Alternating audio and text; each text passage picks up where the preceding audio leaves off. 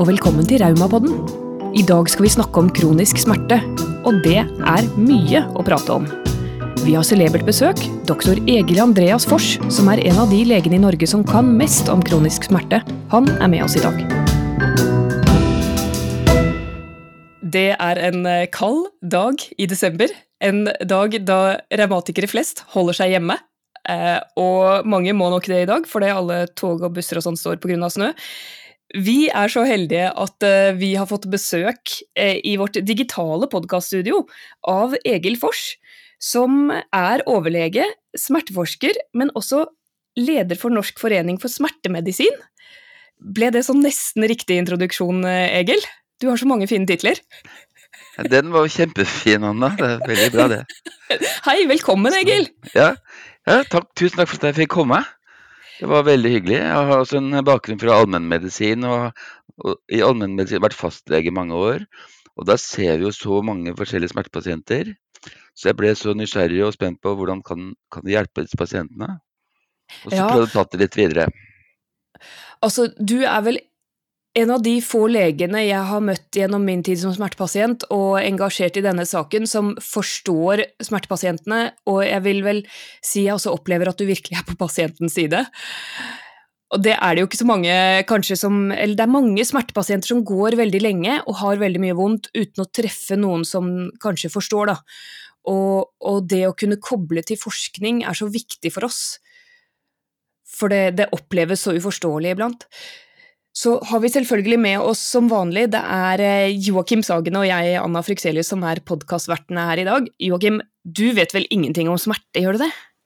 Hei, hei. Ja, jeg er her fra godstolen, jeg òg. Jeg eh, vet uh, veldig mye om smerte, for jeg har gått på en kombinasjon av smertestillende og betennelsesdempende uh, siden jeg var sånn syv år, og nå er jeg 36. Så, men det som er, er at jeg vet jo ikke helt jeg tar det litt av vane, da, så har, så har revmatologen min sagt sånn eh, Ja, du kan jo prøve å gå uten å se om den egentlig har noe effekt. Og så vet, merker jeg ikke så stor forskjell.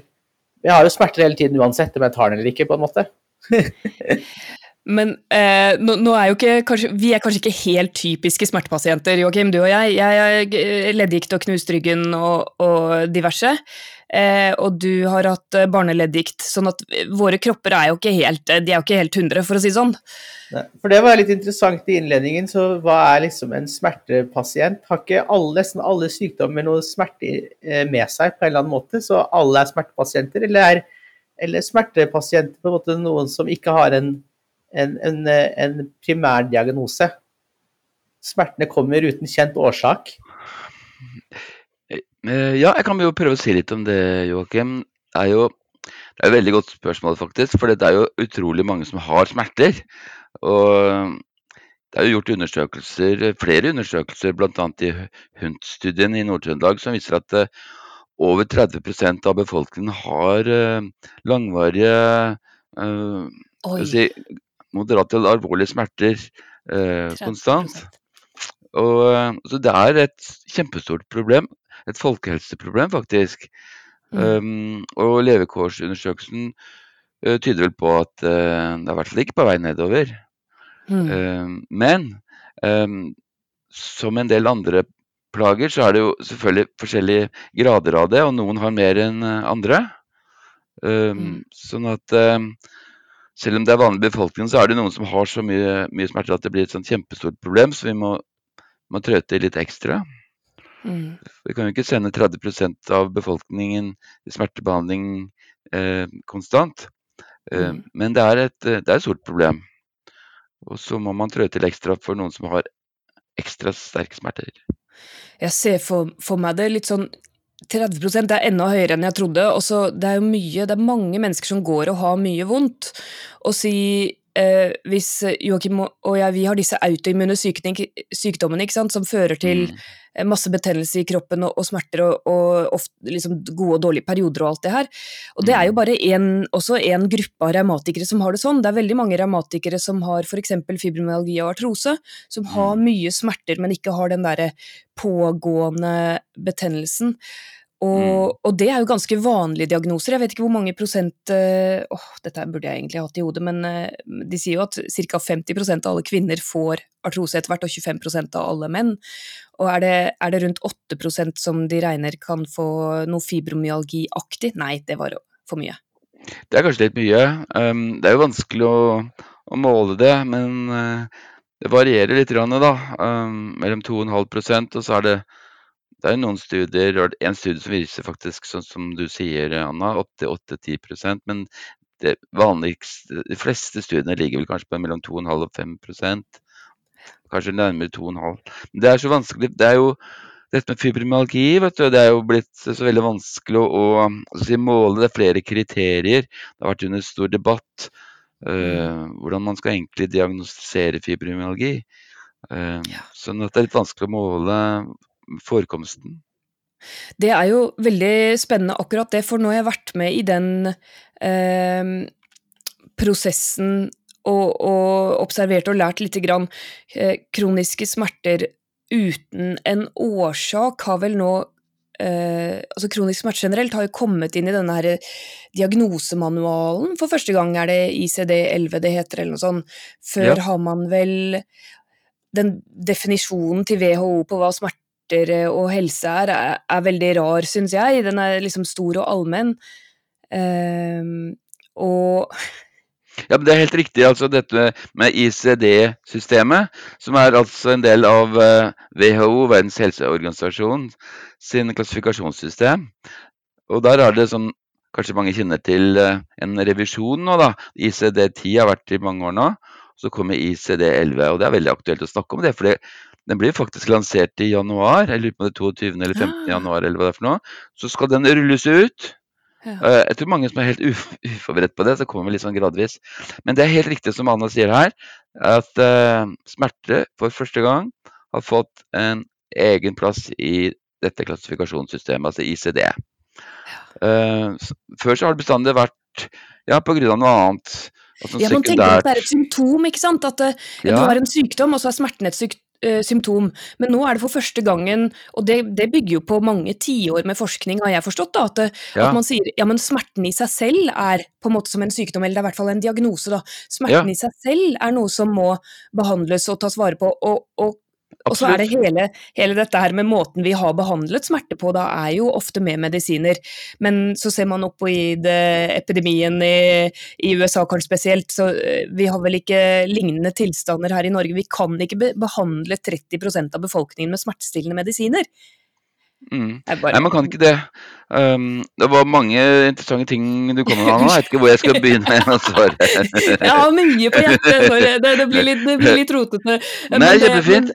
Det er kjempefint. Jeg, tar, jeg, kommer litt tilbake til med medisinene, men hvor var vi var? Vi var om dette med ICD-11 og det ICD-11 og primære ja. smerter.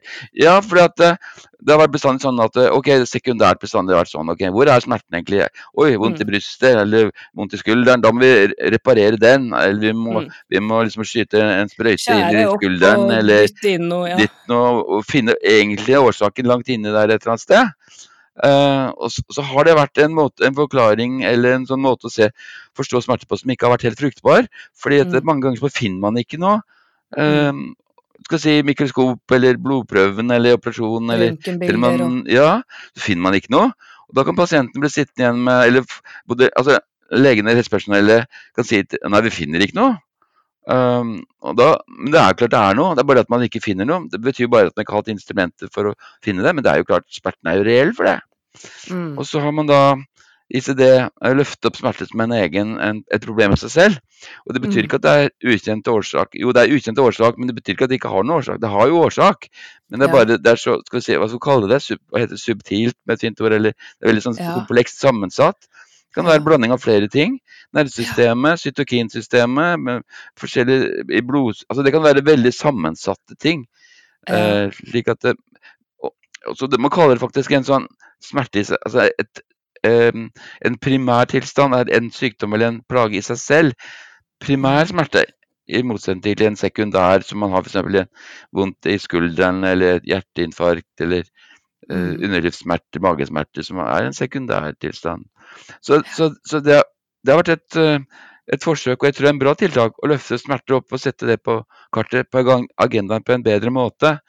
Ta det Mm. litt mer på alvor og jeg tror mer i, i tråd med hvordan en smertepasient oppfatter ting, da. Mm. Ja, for, for alle undersøkelsene vi har gjort blant eh, revmatikere og folk med muskel-skjelett-problematikk, så sier de at smerte og fatigue er det som begrenser livene deres mest. Ja. Så det er, det er mange forskjellige aspekter av det å leve med en kronisk muskel-skjelett-tilstand eller sykdom eller plage, men smerte og fatigue det begrenser livskvaliteten så mye. Mm. Eh, og da, da kan man jo tenke ja, det er noen som, som har på en måte en Kanskje en årsak, ja, som du sier, en, som en eh, inflammasjon, eller hvor, hvor det er en sekundær smerte, da. Eh, Mm. den revmatiske yeah. sykdommen er på en måte det primære, Mm. og, så, og så Mm. kommer smerten sekundært. Men så er det mange som har også primær smerte. Yeah. Og, og da sier det seg vel også selv at ok, da skal vi ikke liksom skjære opp og bytte ut noen ting. Nei, ikke vi bestandig. må- Ja, ikke sant. Vi, vi må jo behandle smerten, da. Jeg ble, Ja. veldig, jeg ble veldig glad, egentlig. Jeg følte meg, hva skal man si, empowered, myndiggjort, når jeg lærte om det som heter nevroplastisitet, tror jeg. Ja. Mm. Altså hvordan nervesystemet kan endre seg også av at man har smerte på et sted over lang tid. Mm. For jeg har jo ryggsmerter der jeg har operert mange ganger og knust, Mm. det, knust noen virvler og sånn. Eh, og når jeg skjønte at oi, en del av denne smerten handler ikke om Det er jo ikke noen ny skade her, det er en gammel skade. Mm. En del av denne smerten handler kanskje om at nervesystemet bare har hengt seg opp. At smerten sitter fast. Ja, Er du, ikke det eh, sånn det- av nevroplastisitet? Jo, det er det. Du får en eh, plastisitet eh, Egentlig så For jeg skal ikke pirke for mye på den, men det kalles ofte nosiplastisitet. Ah, ok, kult! eh, altså- smerte. Altså, man, jeg vet ikke om jeg skal gå inn i detaljer på det, men man kan ha altså, nos nosiplastiske smerter. Det betyr sånn vanlige smerter. Sånn vevsirritasjon hvis man skjærer seg med en kniv. eh, Så får man en nosiseptiv smerte, eller hvis man slår hammeren på Mm. på tommelen sin, så får du en nos nosiseptoraktivitet, altså no nosiseptiv smerte. Hvis du har en skade i en nerve, så får du en nervesmerte, eh, eller en sånn nevropatisk smerte. Du Mm. skal få en endring i både nervesystemet og i noseseptive systemet. Det blir mye vanskeligere her. Du, du kan faktisk få en, en endring i disse systemene av seg selv, selv om du ikke har noen påført skade utenfra. Og det, det er det som du sier som kan være veldig vanskelig å forstå og også behandle. Men kanskje jeg skal nevne et eksempel som, som er litt mindre skala enn ryggen. Anna. Det er en eh, Jeg hadde dette anonymisert, men altså en, en pasient som, som kom fra tannlegen. Uh, som hadde hatt eh, en historikk med masse tannproblemer, tannsmerter og betennelser og munnsmerter i ganske lang tid.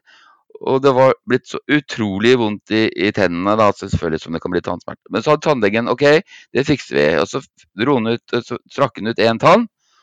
Og den, uh, den smerten var like vond i den tanna som var trukket ut, faktisk. Det, forklar, det var en fantomsmerte, rett og slett. Og det var fordi at den Ja. nerven som hadde tilført den tanna, var den som sto og skal vi si, gløda. Det var den, det var den som var så vond Altså det var nerven som gjorde at, at den, Det var jo det signalet som gikk opp til hjernen fra den tanna. At den nerven hadde blitt veldig irritert, for den hadde vært betent lenge. Selv om den tanna var borte, så var fortsatt den skal vi si, den aktiveringen, alarmen, gløden i den, i den nerven. Den, men eh, for å si en lang historie kort, ja, den, eh, det ble både én og to tenner som forsvant før dem eh, Så dette her går ikke lenger. Å, oh, shit! Man ja. plukker ut den ene etter den andre. ja, to-tre tenner. Men det ble akkurat like vondt. Altså, det var den tanna og den tanna. Ja, OK, nå har jeg like vondt i de tre tennene, selv om tennene er borte. Uh, og det var fordi at de smertene var jo var faktisk i, i nerven. Og, og, og det var en helt reell smerte. Men det var ikke tanna, men den var i nervesystemet. Fra tanna og helt opp til hjernen. Og der blir den også da eh, kunne bli regulert og skrudd opp eller ned. Og, ja, så, så, så det er en plastisitet. Men jeg, jeg tenker litt sånn placebo, jeg, da. Men er det eh, placebo, Nei, nei ikke placebo. For du, vi har nevnt ulike typer smerte nå. Er det, vi, kan vi liksom kategorisere litt sånn hvilke ulike typer smerter som fins, og er det Mm. eh, en viktig del av tidlig utredning og behandling? Mm. Ja, jeg tror det er viktig det. Altså det man kan skille egentlig mellom uh, sånn vanlige smerter, som jeg sa i stad, som mm. et fint ord kalles for nosiplast... Nosi, eller nosiseptiv. Nosiseptiv smerte. Ja. Det er rett og slett bare, for å si det på norsk, da, så at det bare er en, en vanlig smerte som, som, du får når du uh, irriterer uh, smerte skal si, reseptorene. reseptorene. Eller, du slår deg, og smertereseptorene ja, blir påvirka?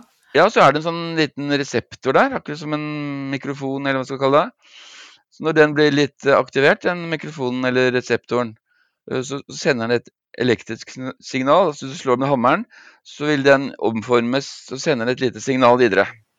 Og det ja. signalet altså det, det, blir en liten strømpuls som går enten du, tar fingeren i, i veldig varmt vann, eller et sy, syre, eller du skjærer med kniv, eller Uansett så vil den reagere med en strømpuls. Men vil den smerten gå over til noe annet hvis den varer lenge, eller er det Hvis den varer lenge, så um, Det blir på en måte Altså um, det skal, smerte, det skal være beskyttelse, sånn at den smerten skal sørge for at du tar ut den hånda fra det varme vannet. Så mm. klart, Hvis du ikke klarer å få ut den, så vil jo kroppen bli ødelagt. Uh, mm. men, men, Det er noe seseptiv smerte, men du kan få du kan få en endring, da. Eh, sånn som den tanna, og kanskje vet ikke, Anna, kanskje ryggen din og kanskje andre som mm. har en smerte som står over tid, som dundrer løs. Det står på en måte en sånn alarm, eller vekkerklokke eller sånn skal jeg si, blålysalarm, alt. ja, blålysalarm. Det ja. står bare å dundre på, dundre på, dundre på. Og så vil jo dette nervesystemet bli aktivert, da. Og selv om du fjerner den nåla, eller fjerner den bakterien eller hva det var for noe, som utgangspunktet, den skaden du har hatt, knusninger i virvlene eller hva det skal være, så vil likevel kanskje nervesystemet være aktivert. Slik at det har roa seg ned, den opprinnelige skaden, så vil kan nerven, eh, nervene fortsatt være endra som plastisk, som du sier, og så blir fortsatt gløde videre. De gløder videre, ja. Og det er på en måte som volumet er skrudd opp. Så, sånn jeg opplevde det, var at eh, det var som en volumbryter at jo oftere jeg har vondt et sted, jo flinkere blir den nervebanen på en måte til å overføre disse strømsignalene, kanskje. Ja. Og så kunne grunnen til det opprinnelige signalet bli borte ved at det grodde, eller eh, om jeg fikk behandling, eller hva. Men da satt fortsatt smerten igjen i, i nerven da, som gikk på det, og det var som volumet var skrudd opp. Men da kommer vi til det som, som skjer i hjernen, da, for det, det skrur jo på en fryktrespons, som du sier. Mm. Eh, jeg, Smertens ja. funksjon er jo å beskytte kroppen, så, så, jeg skal jo bli redd hvis det gjør vondt i, i hånda f.eks. Jeg har satt uh, hånda på en flamme eller noe varmt. Ja. Så, så, så, skrus det jo på en alarmberedskap i hjernen som skal ja. få meg til å slutte å ha hånden et varmt sted. Men da, når det blir kronisk, også, da går vi jo med fryktrespons hele tiden, eller mm. den blir jo skrudd på. Mm. Er, det da, hva, er det da det går over til psykologen smerte, eller, eller er det noe annet igjen? Um, Psykogen smerte er et uttrykk som vi bruker så veldig mye. Oh, ja. Det er litt um, Skal vi si Man har psykologiske komponenter, men det er sjelden du har en smerte som er bare psykologisk eller bare psykisk. Um, men, men, smerte kan både forsterkes, men kan også da skrus av ved bruk av psykologiske midler. Men uh, Joakim, kanskje jeg skal svare litt, du var litt inne på dette med placebo. Mm. Um, for det vi snakker om nå med den tanna, det er jo fantomsmerter. Det er en reell aktivering, en reell irritasjon i, i nerven som kommer av en påkjenning. F.eks. En, en tannbetennelse eller som du sa, Anna, kanskje en ryggskade. så vil en nerven, Men en placebo, det kan være at du forventer noe som skal komme. Um, la oss si at du skal Et sånn typisk eksempel da, som ikke har med smerte å gjøre. men for Du tenker på en sitron, og så skal mm. du spise tenk på den, og nå skal jeg ha meg en skikkelig sitron.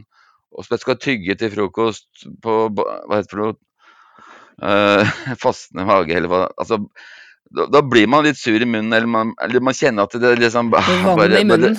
Man ja. tenker bare på vann i munnen og tenker bare på det. Det er på en måte en placebo-respons. Men det kan også være sånn med smerter, da. Hvis man tror man får uh, smerte, um, så, så, kan man oppleve smerte. Um, du forventer at noe skal gjøre vondt, og så gjør det det? Ja, du, du, forventer at det skal gjøre vondt, og så er det kanskje vondere enn det du, det du tror.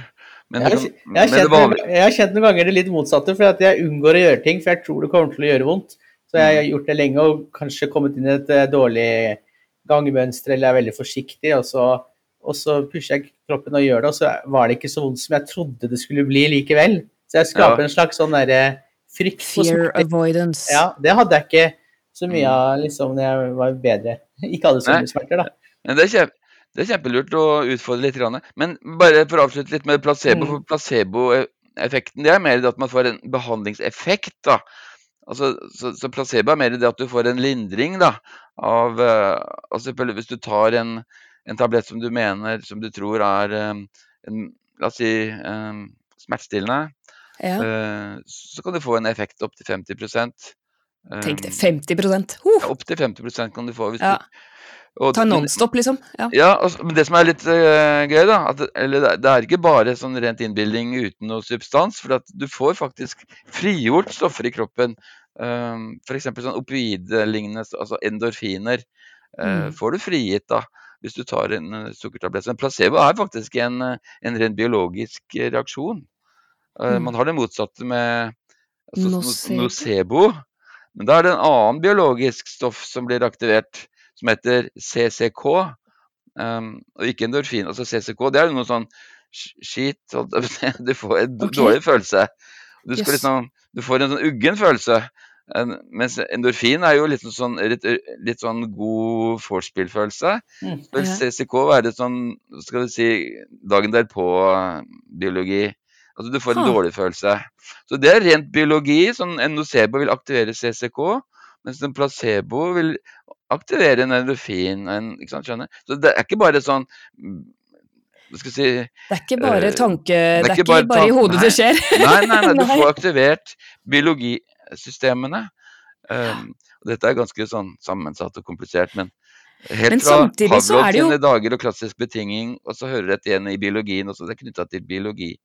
Ja, jeg føler, jeg føler, at dette her gir litt sånn eh, makt og, og, myndighet og mulighet da, til pasienten å påvirke sitt eget liv.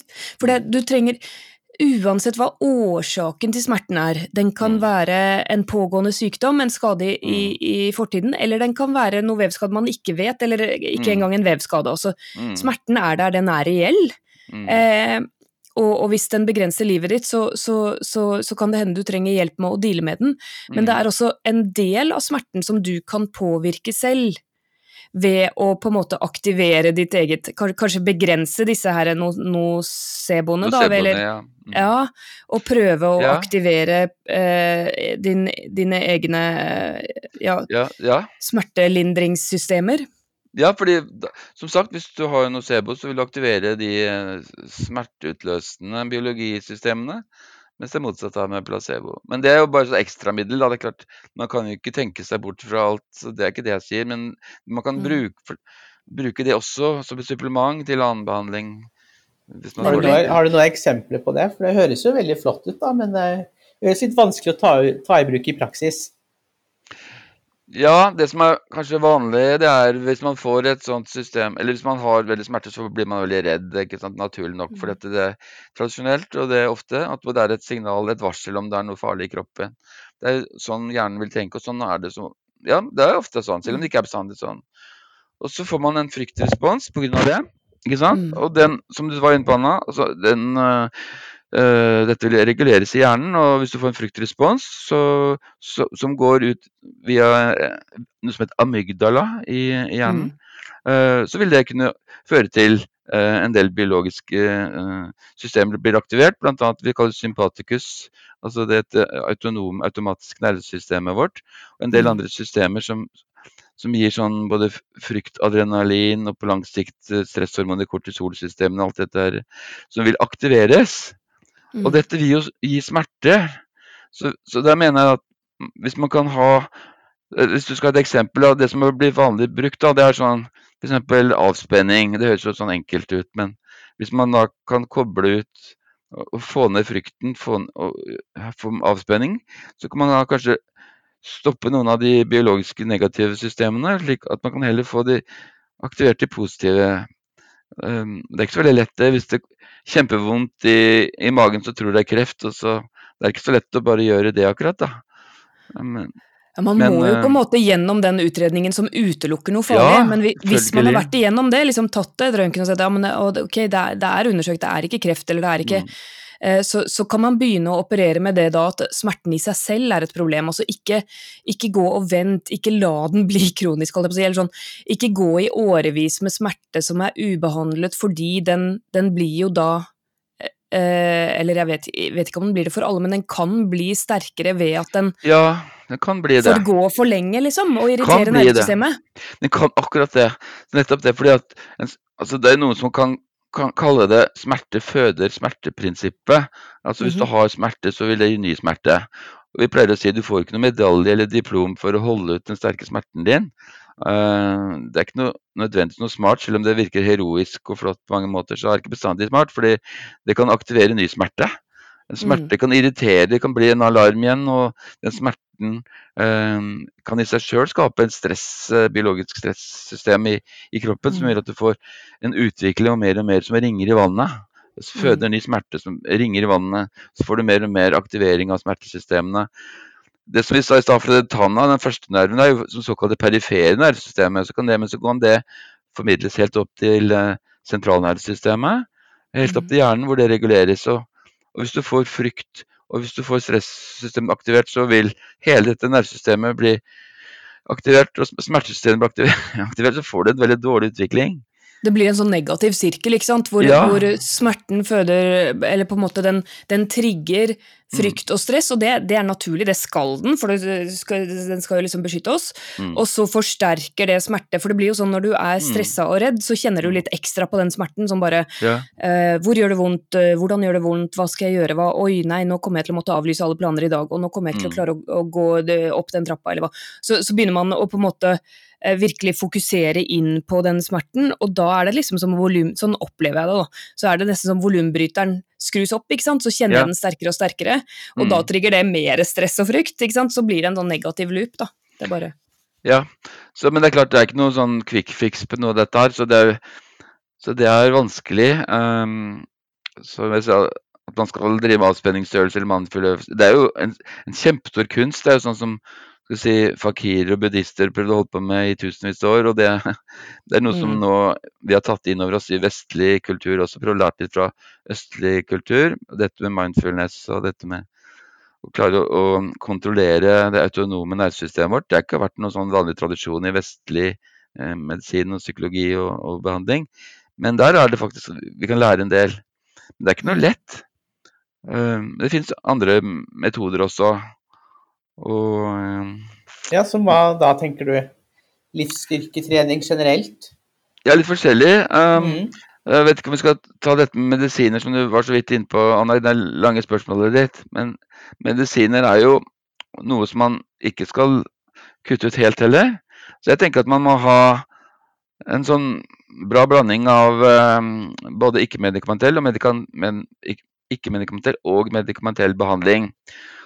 Og um, hvis vi kan vente litt med medisiner igjen, da, så Joakim, Joachim, så ikke-medikamentell tilnærming, det kan være sånn som man gjør i dag. Det kan være fysioterapi, det kan være søvnhygiene. Hvis man klarer å regulere og få en god søvn, så vil det mm. mye kan løses av den grunn. Og det er jo kanskje like vanskelig å, å behandle dårlig søvn som behandle smerter, men hvis man klarer å gjøre noe med det um, mm.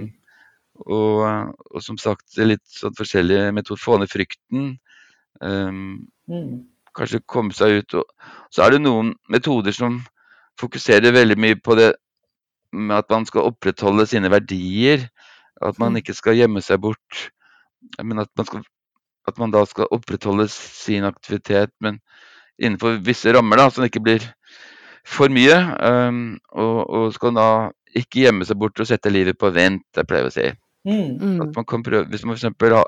har barnebarn, og så nei, jeg kan ikke se barnebarn, jeg må vente til jeg blir mm. frisk. Og så, så blir det liksom aldri helt smertefri. Og så blir det Barnebarna blir jo både konfirmanter og, og 30-40 mm. år før altså, ikke sant? Du kan ikke vente det uendelige. Så man må prøve å fortsette med, med livet, da. Det er lettere sagt enn gjort, men, ja. men det kan også skape en positiv utvikling.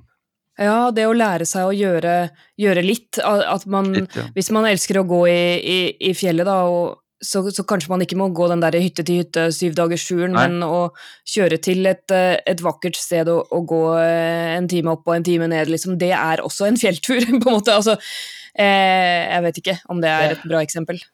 Jo. Ja, legge lista litt eh, lavere og ikke sammenligne seg selv med hvordan man var før smertene, og ikke bli skuffet over seg selv at ikke man klarer, men Mm. eh, akseptere å finne en ny eh, nå-situasjon. Og Mm. ja, sånn som du sier, Anna, gjør de samme tingene bare i en eh, tilpasset skala. Ja, og, kl- Mm. og kl- ikke, bli, ikke la smerten på en måte stoppe deg fra å gjøre alt du er glad i, og da Mm. gjelder det å være litt kreativ og kanskje få litt hjelp, eh, om det er både fra, fra, fra legen din, men også fra familie og venner i forhold til å lage en versjon av de aktivitetene som du faktisk kan gjennomføre, da. Ja, det er, det er eh, viktig, men som det er veldig viktig at man ikke klandrer pasienten. Altså, Ja. Nå må du komme deg ut og ta, drive 4-4 og maraton til neste år og bla, bla, bla. ikke sant? Ja, ja. Og mange som kanskje ikke helt tenker seg om, av behandlere. Og det blir altfor mye. og Det blir både klandring, og det blir på en måte et press, og det blir altfor mye, og det blir helt feil. Og, så, så det er viktig å finne en, en, eh, en god aktivitet som, ja, som man trives med, som man, som man har det bra med. da. Så jeg kan jo kanskje nevne også en annen, eh, hadde en annen sånn anonymisert historie. Det var jo en, en pasient med store smerter, og var faktisk fibromyalgi, og i tillegg eh, en del andre typer smerter. Eh, men den eh, pasienten hadde låst seg helt inne. Ja. isolert seg, altså sosialt. Venner så hun ikke. ja, og, i det hele tatt hadde liten eller dårlig livskvalitet. Og hun turte ikke å gå ut, fordi for ville, hun tenkte at nei, da ville folk og naboer og andre se rart på henne. Er ikke du sjukmeldt? Liksom, du, går du ut? Liksom, du, Hæ? Og det føltes som en skam med det. men de kunne ikke se at hun hadde kjempevondt, og- men hun turte ikke å bli mer og mer isolert. og Det var litt synd, for hun var glad i å gå tur, og veldig glad i å gå på ski, annet. Mm. Så mye av behandlingen var å komme seg over den for å si, eh, tankegangen der, komme seg ut og gjøre ting hun virkelig hadde lyst til. Og så Ja, så en del av behandlingen var å komme seg over den eh, skal vi si, terskelen der og ikke bry seg om hva hun tenkte folk mente. fordi ja, det var jo mange som unnte henne å komme seg ut, faktisk, men hun trodde at det var sånn skambelagt og sånne ting. Kom hun seg i gang, gikk på ski, og mye av dette løsna med god søvn. Gikk på ski, kom seg ut blant folk igjen. Og selv om smertene kunne ikke trylles fort, så, så ble det faktisk mindre, og hun opplevde et mye bedre funksjon og mye bedre livskvalitet, og fikk det så mye bedre. Og med litt Mm. medisiner på toppen igjen. Så det var flere ting her. Men det med den at hun kom seg i gang, kom seg ut, gikk på ski, gjorde det hun virkelig hadde drømt om å gjøre lenge, det var liksom det som løsna. Løsna hele saken. Det høres litt sånn ut som at smerte er definert av hva du får til, om du gjør det du har lyst til eller ikke. Men hva Mm. man gjør alt, da, om man er- er på jobb og man gjør det man liker, kanskje til og med sover godt, men likevel har vondt, er det Mm. da alvorlige smerter? Eller hvordan behandler man det da? Ja. Det er litt uh, vanskelig å svare på, for det Ja. er en subjektiv opplevelse. Ja, det er det, vet du. Så. Så det at hvis man tenker man har en nosicepsjon, altså man har en aktivering av, av disse smertereseptorene, som jeg sa, uh, så er det hjernen som oppfatter, som gjør at den blir bevisst det signalet som kommer utenfra.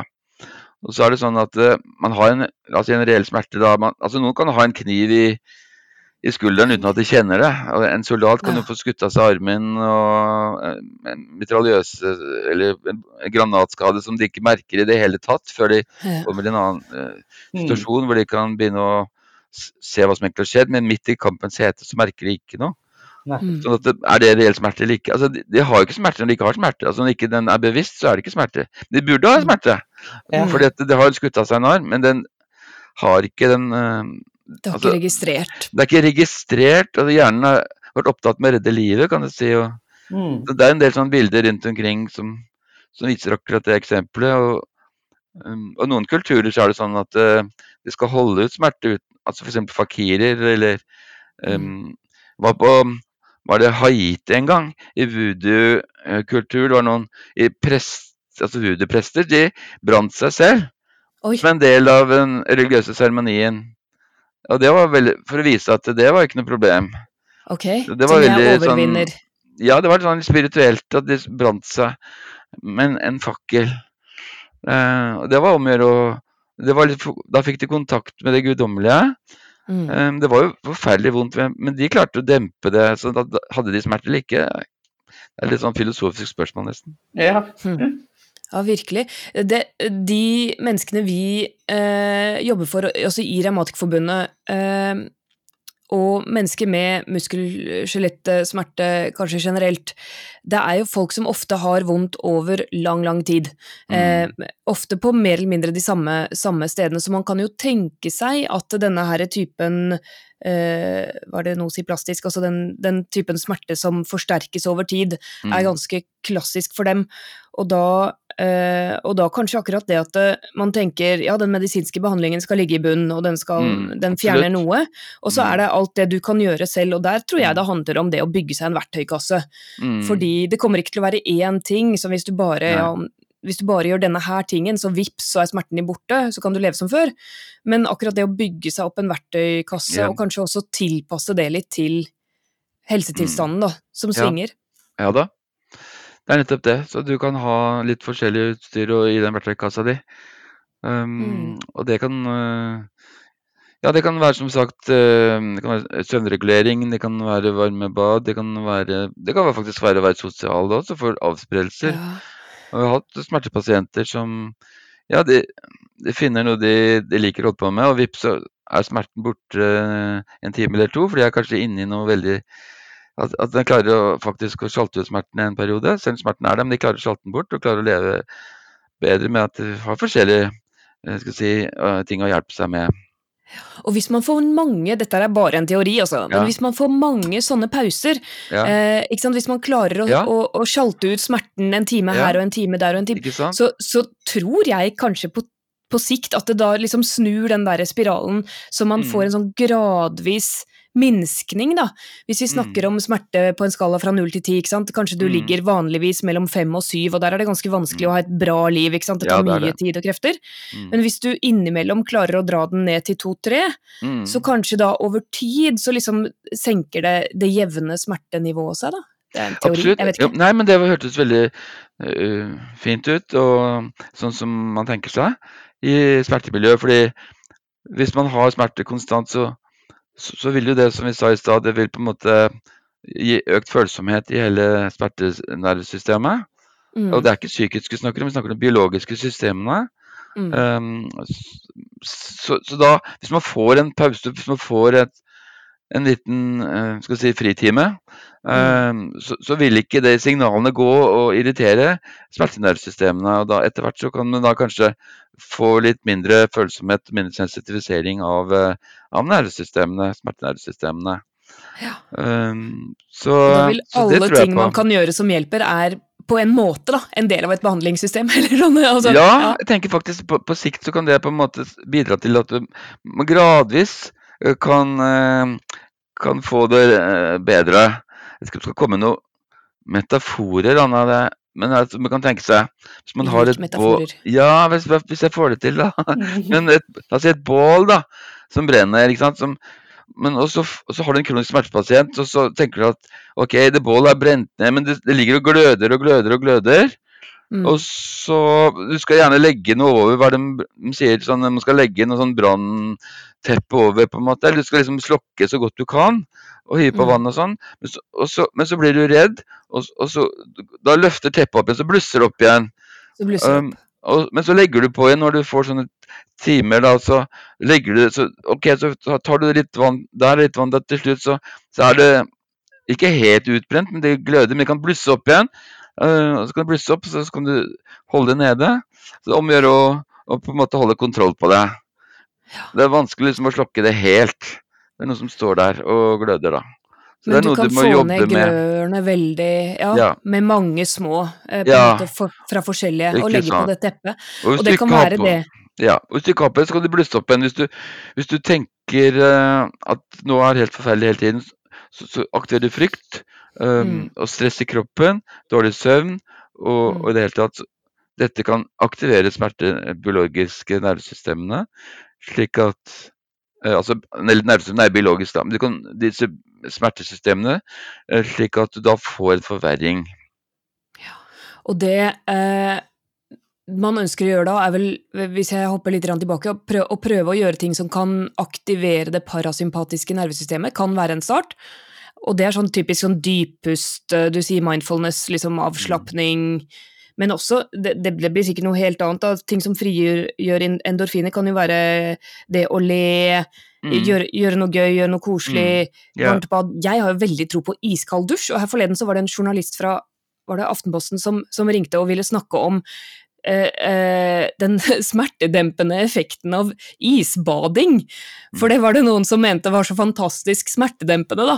Og jeg, jeg, jeg Gjør du det, Joakim? Nei, ikke Gjør du det? Men hver gang det er en kuldekull på et spa, eller jeg har mulighet til å ja. bade og komme i en rask dusj etterpå, så benytter jeg anledningen. Mm. Og hvordan påvirker det smerten?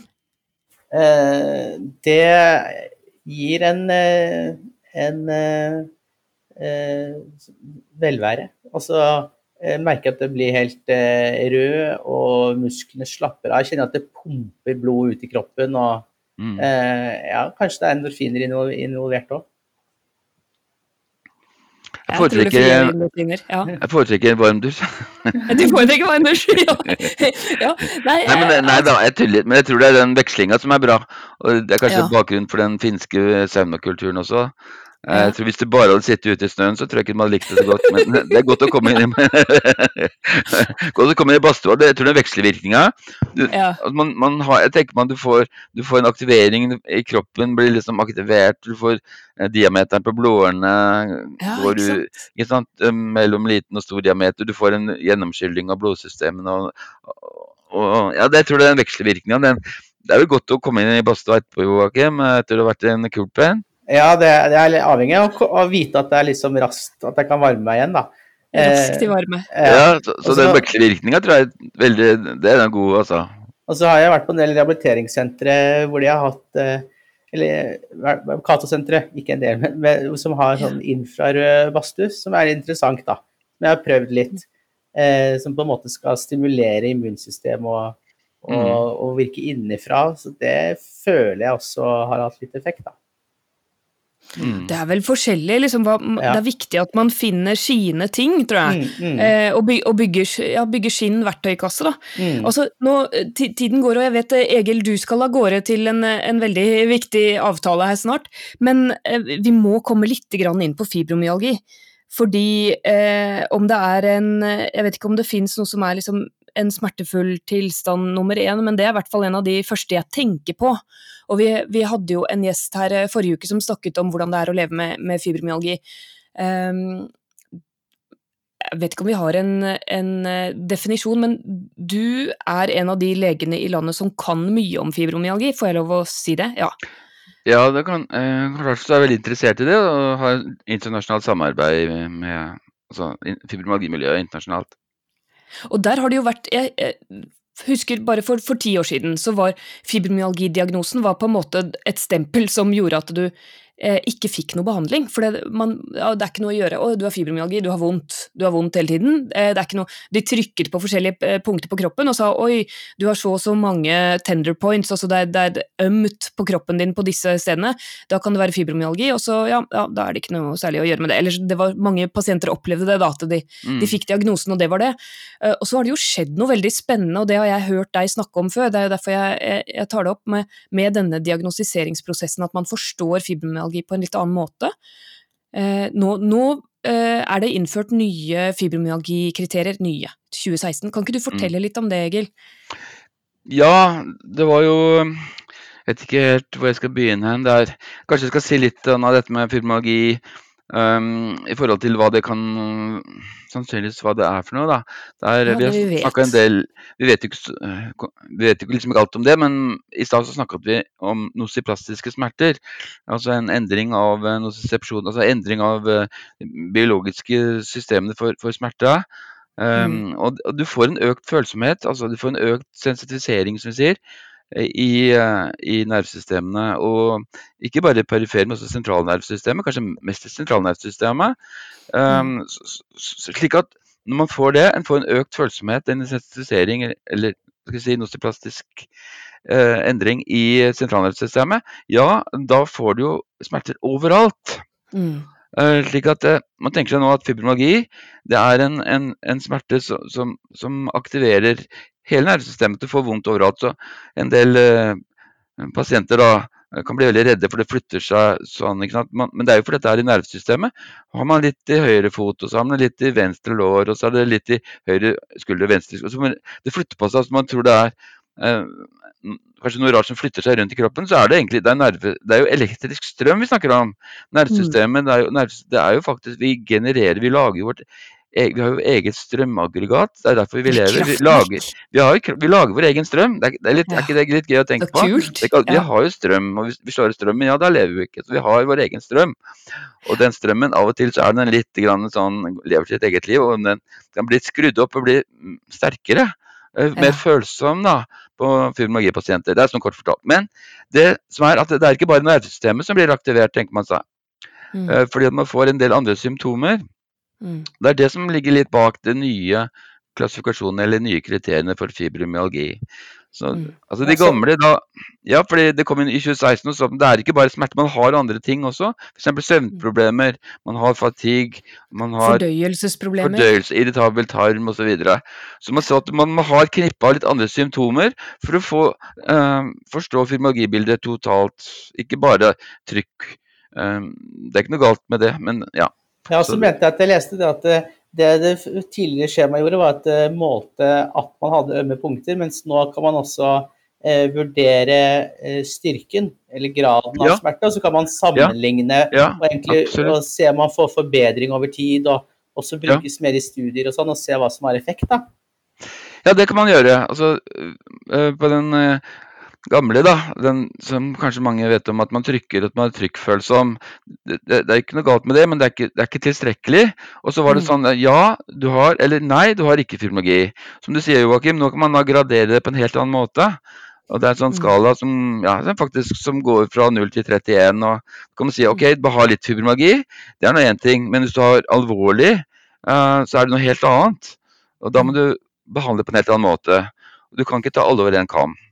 Så en alvorlig eh, er en veldig veldig sterk og en veldig vanskelig situasjon, mens en lette fibromyalgi kan du håndtere på en helt annen måte og behandle på en helt annen måte. Men, med, ja. men, det skjemaet, er det liksom noe som er rent subjektiv, eller er det en slags uh, vurdering fra lege som på en måte avgjør hvor sterke smertene er, i samråd med pasienten, selvfølgelig? Um, nei, det, er, det, skal være sammen med en uh, helseperson, en, en, lege, kanskje også en fysioterapeut, som går gjennom dette skjemaet sammen. Ja. Men, men, man skal fylle ut uh, hvor man har vondt da. Mm. Og da er det sånn at da er det, altså Som smerte er jo en subjektiv opplevelse. Og legen eller fysioterapeuten eller hvem helsepersonen kan ikke si at 'nei, du har ikke vondt'. Har du vondt egentlig? Mm. Altså, det, det, er jo fy, veldig fy, fy, fy. Fy, fy. ikke lov. Det er sånn som man sa, liksom, de bruker det i undervisning til studenter. Altså, ja, I gamle dager så sa noen leger at 'nei, du har ikke smerter, du jenta mi, så du bare går hjem'. Du, det er ikke så ferdig. Altså, det er jo så retro og gammeldags at det er helt Komisk? Nei, altså det er en subjektiv opplevelse. Ja. Så det er en subjektiv opplevelse. Du har vondt, og det er sånn. Så da skal man da f.eks. si har man vondt i skulder, høyre skulder, venstre og Det er 19 punkter da som den personen skal liksom si om man har vondt, i tillegg til disse andre symptomene. Men det skal gjøres sammen med en helseperson, sånn at ikke man går i fella og, og overser andre, andre ting. Mm. Uh, men jeg har lyst til å si en ting før vi uh, glemmer det. og det at altså, Fibromagi kan man ha i tillegg til noe annet, og det er også nytt. Ja. Ikke mm. sant? Sånn man kan ha leddgikt, uh, man kan ha en artrose, mm. man kan ha andre uh, tilstander, også migrene, eller man kan ha andre uh, faktisk psykiske ting også i tillegg. Men mm. man kan mm. ha gjerne revmatiske pluss fibromyalgi. Så man mm. kan ha leddgikt pluss fibromyalgi. Um, fordi at det er to forskjellige ting, men man kan da ha to forskjellige behandlinger, ellers så kommer man ikke i mål. Fordi da, da, Er det da man kaller det på en måte Enten så har du en primær fibromyalgi, hvis det var fibromyalgien som kom først, eller så har du en sekundær fibromyalgi, hvor jeg f.eks. som har RA, men også mm. har utbredt smerte, da kanskje ja. det er en sekundær, eller man, man kunne ja. blitt Men ja. ok, vi, vi skal runde av veldig snart, men det som jeg har lest eh, om disse her nye diagnosekriteriene, som skjedde når man begynte å bruke det, er at det er veldig mange flere menn mm. som får diagnosen. Ja. Kan ikke du fortelle litt om det? Jeg kan fortelle litt om det. Altså, det er jo som du sier at uh, altså den, den gamle uh, måten å score på, så, så, var det vel uh, Ja, kanskje Det var overveiende kvinner, kanskje ni av ti var kvinner på den gamle. Så har man da omdefinert um, og ser at fibrologi det har noe mer enn seg enn bare sånn trykkfølsomt. Det har en del andre symptomer, som jeg sa. Irritabel tarm, um, fatigue, eh, kanskje problem, søvn, men også hukommelse, altså man har mm. hukommelsesproblemer og, og sånn fibrofog som heter mm. Ja, hvis man da ser på dette nye bildet av nye syndromer av fibromyalgi på den måten, som man gjør nå internasjonalt, så ser man mm. plutselig at det er utrolig flere menn som får det. Mm. Kanskje, kanskje ja, annenhver, eller kanskje en, en av tre fibromyalgipasienter, eller kanskje til og med 50 mm. uh, så, så, det er bare å definere hva det er for noe, så plutselig så, ja, så, ser man at frekvensen eller forekomsten er helt annerledes.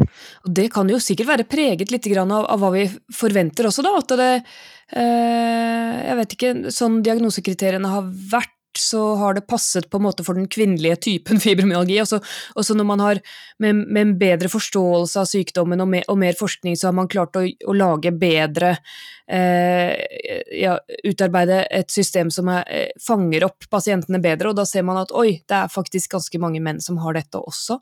Ja, det er det.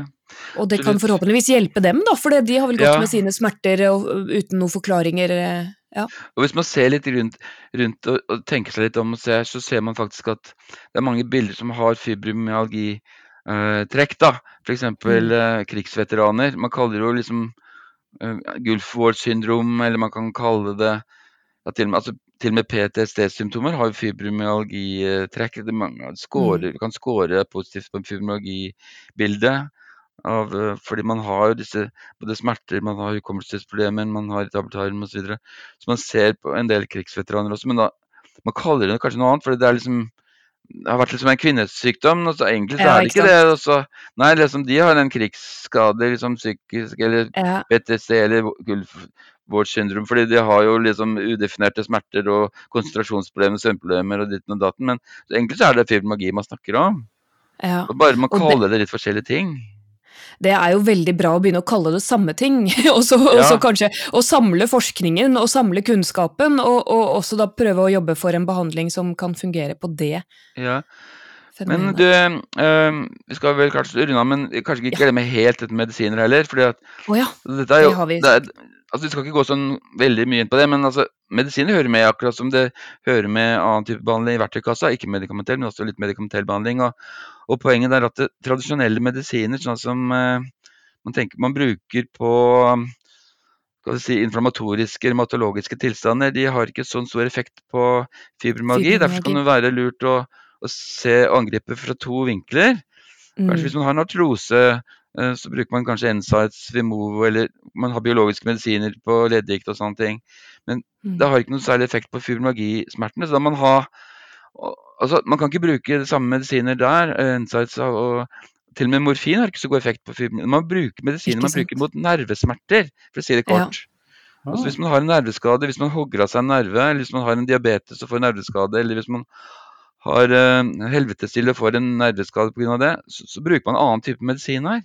Mm. Uh, og det er de medisinene man, man bruker på altså, For det er nev nevroirritasjon som er hovedproblemet med fibromyalgi. Man får en sensitisering i nervesystemet, som, sagt, som jeg sa i stad. Da må du bruke medisiner. Mm. Ja, hvor jeg husker det ble, det ble brukt eh, en type lavtersk... Ikke, ikke liksom lykkepiller, men holdt jeg på å si en type medisin som også ble brukt mot depresjon, at det viste seg å ha effekt også mot kroniske smerter. Er det en type smertestillende behandling? Nei. Jo, det kan være det. Altså, en medisin kan brukes til uh, forskjellige ting. Akkurat som mm. f.eks. hvis man har uh, noe som kalles uh, skjelving av ukjent årsak, så kan man ja. bruke en hjertemedisin. Um, okay. Betablokker. Og hvis man har ja, hvis man har f.eks. migrene, så kan man bruke blodtrykksmedisiner. Ja. Uh, sånn er det med smerter òg. Altså man kan bruke medisiner som også blir brukt mot uh, epilepsi eller depresjon. Har en mm. god effekt mot disse nervesmertene. Ja. Og de, de, har mer effekt, uh, men de er ikke sånn, ikke sånn øyeblikkelig effekt, sånn som man kanskje får ved en Paracet ved hodepine. eller mm. sånn, Det har mer sånn Som jeg sa, det glødende bålet, den metaforen man, det er litt sånn, På sikt så kan du da dempe den gløinga i det bålet. for å si det på den måten. Eh, mm. Holde det nede. Og da er det sånn lavdoserte medisiner, f.eks. sånn som eh, Det kan være ja, det kan være Sarotex, det kan være noe som heter eh, ja, Duloxetin, altså det kan være Symbalta, det kan være ja, litt forskjellige medisiner der. Men medisiner har ikke en så enorm plass, da, men det har også en plass. Det har også en plass, og det er viktig å nevne. Og jeg ja. vet at en del eh, smertepasienter kan bli enten lei seg eller litt, litt provosert hvis, man, hvis legen har foreslått at du skal gå på denne medisinen som, som er en type eh, antidepressiva, f.eks. Så mm. sier de ja, men jeg er ikke deprimert, det er ikke fordi sånn, Jeg er ikke deprimert, jeg trenger ikke antidepressiva, jeg har vondt. Nei, det er, men, da er det, nei, men det er ja. noe annet. Det er noe annet, ikke sant. Det er som ja. å si til migrenepasienten nei, men herregud, jeg har ikke hjertesvikt, jeg. Ja, altså, jeg har ikke hjerteflimmer, jeg har migrene. Hør nå her da, doktor. Ja vel. Men det er ikke mm. det det er snakk om. Det er snakk om at en medisin kan brukes uh, på forskjellige indikasjoner, som heter, altså på forskjellige måter. Selv om den egentlig er lagd for noe, så kan den brukes med god effekt på en annen tilstand. Altså, Vi er nødt til å la deg gå til din avtale. Mm. Eh, jeg ja. syns det er så spennende å prate med deg, Egil. Tusen, mm. tusen takk ja. for at du stiller opp her i, mm. i Raumapodden og deler denne kunnskapen. Så um, ja, men Takk for at vi fikk komme. Det var kjempefint å snakke med dere. Ah, så gøy. Glad for at fikk komme. Her, dette her håper jeg mange eh, kan, kan, lære noe Jeg har lært masse i dag. Ja, ja. Takk. Ja, så jeg tenker bare fokuser på det som gjør deg glad og happy. Finn din kulekulp. Jeg skal i hvert fall ut og hoppe i sjøen nå, så skal, hva?! Nei, og, og, og, du spiller Fifa, det er smertedemping, det. Jeg danser, yes. det er smertedemping, det. Ja. ja. Ok. Der har vi noen gode råd. Da sier vi tusen takk til deg, Egil, mm. og mm. takk for i dag. Ha det!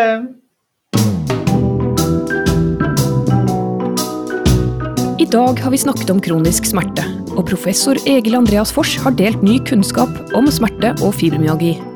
Del gjerne denne episoden videre med folk du kjenner som kan ha nytte av den. Som vanlig er det Podmaster som har fiksa lyden.